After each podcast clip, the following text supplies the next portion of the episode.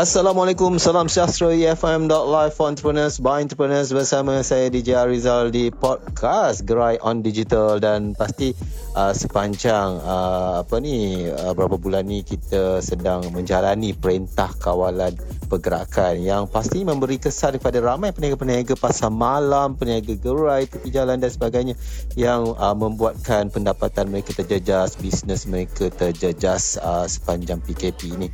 Dan uh, seperti biasalah uh, saya akan menemubual beberapa orang peniaga-peniaga uh, gerai makan yang akan berkongsi pengalaman mereka, berkongsi tentang um, apa ni pandangan mereka sepanjang menjalani PKP ini.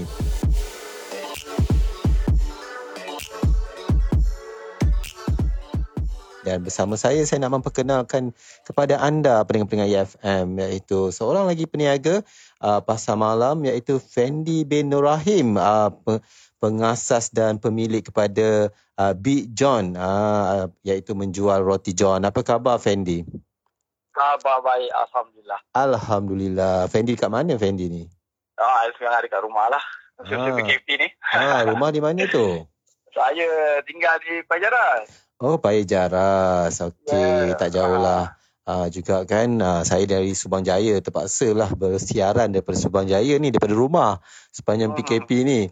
Okey, um, berapa lama dah sebenarnya uh, Fendi jalankan bisnes ni, Big John ni? Lebih kurang 20 tahun. Wow, sekarang umur berapa? Sekarang, sekarang dah 49 dah. 49 dah 20 tahun menjalankan Big John ni eh. Uh, yeah uh, sepanjang 20 tahun ni banyak, uh, kebanyakannya jalankan bisnes ni di mana? Uh, katanya di pasar uh, malam apa semua kan? Uh, ya ya, saya biasa ke berada berniaga di pasar malam lah. Hmm. Sekitar Sungai Buloh. Hmm. Okey, memang just fokus di pasar malam saja ke atau ada juga buka gerai-gerai di tepi-tepi jalan ataupun di uh, tempat-tempat lain juga?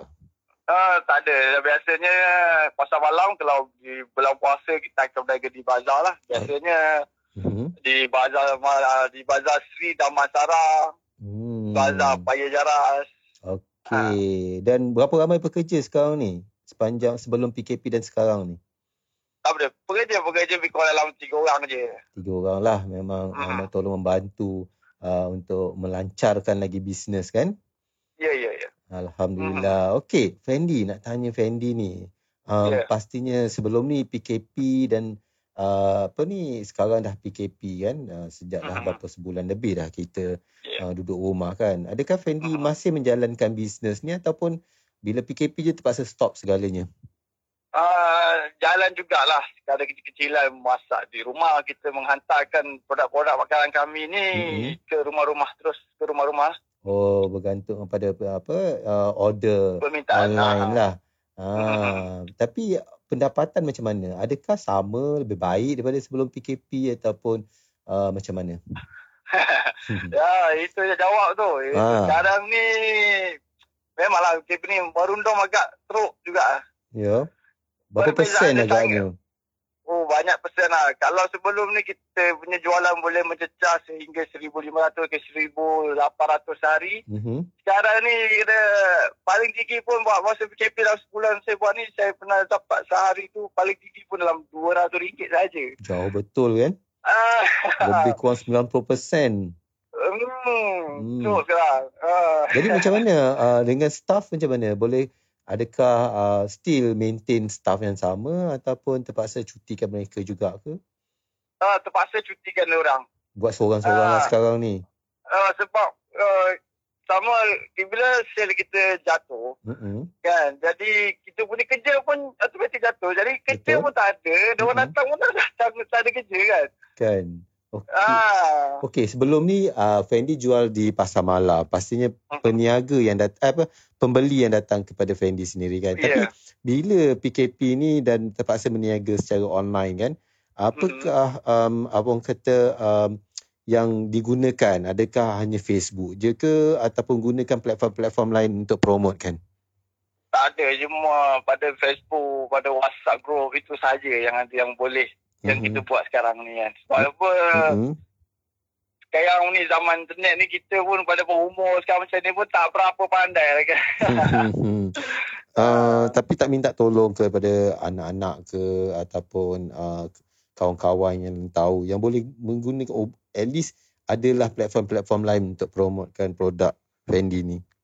Hmm, itu tak ada pula sebab apa saya tanya kepada kawan-kawan yang mana umur lebih kurang saya ni mm-hmm. memang kebanyakan dia semua sama saja. Hmm, itu hmm. tak ada apa orang kata terbatas lah dia punya apa yeah. tentang IT ni kan.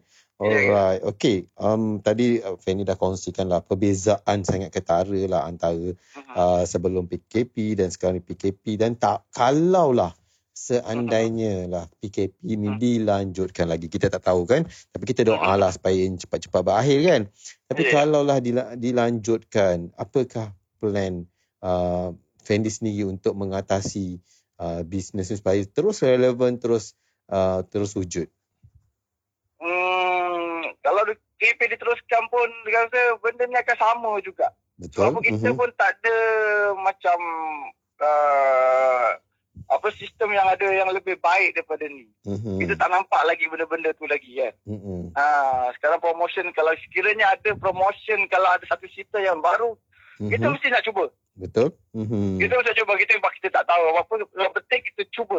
Mm-hmm. Dan, uh, dan uh, pastinya kalau kan uh, kata disambung lagi, um, hmm. Fendi akan tetap buat secara online lah juga. Terpaksa lah. Ya, kan? ya. Terpaksa lah. Hmm. Macam mana.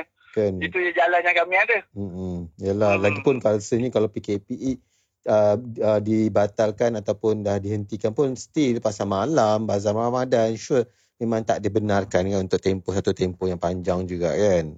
Ya. Yeah. Hmm. Jadi pastinya macam peniaga-peniaga seperti apa yang uh, gerai-gerai ni pasal malam terpaksa mencari jalan alternatif lain untuk promosikan produk ataupun makanan yang sedi- disediakan lah.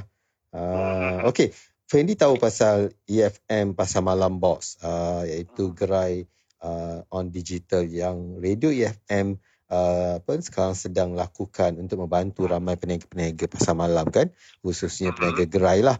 So apa pandangan uh, Fendi tentang projek yang kita laksanakan ni?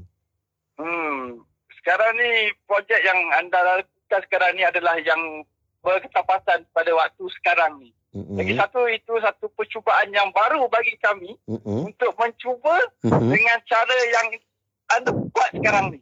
Mm-hmm. Yang cuba sekarang ni. Ah, kami kena cuba. Jadi dia punya kita apa dia punya solid dia punya kira keputusan dia mm-hmm. kita akan tahu selepas kita lakukan nanti. Mm-hmm. Adakah dia lebih baik ataupun tidak, kita tak tahu. Kita Yalah. tunggu je keputusan je sekarang. Mm-hmm. Tapi okey, mm-hmm. uh, harapan del, uh, daripada projek ni kepada Fendi uh, contoh, Harapan mestilah semuanya yang nak yang terbaik.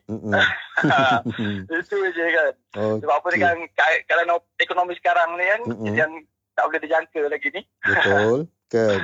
Okey, dan nasihat Fendi kepada rakan-rakan uh, peniaga-peniaga gerai yang lain uh, apa nasihat untuk mereka terus uh, tabah untuk mereka terus uh, maintain bisnes ni sebab ramai kadang-kadang dah mula nak give up ni kan ya, ya betul tu hmm.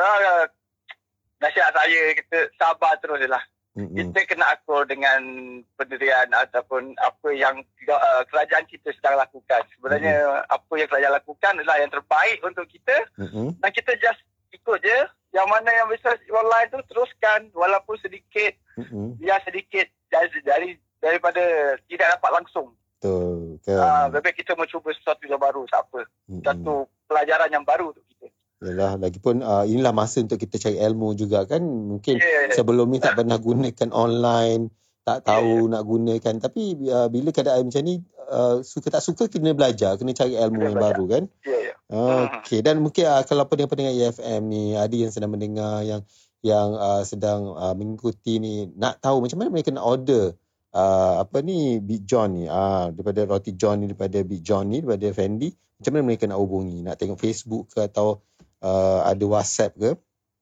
ah uh, boleh WhatsApp saya pada nombor 017 uh-huh. 333 10 dua tiga uh-huh. ataupun kosong satu tiga uh-huh. dua 201 uh-huh. 2102 ataupun tengok pada Facebook kami uh-huh. uh, ataupun hashtag saja Big John ataupun Roti John uh, Damai Sadamai ke ataupun Paya Jaras uh-huh. boleh akan keluar semua tu. Uh-huh. Uh-huh. Jadi memang memang senang lah ada banyak menu kat situ kan?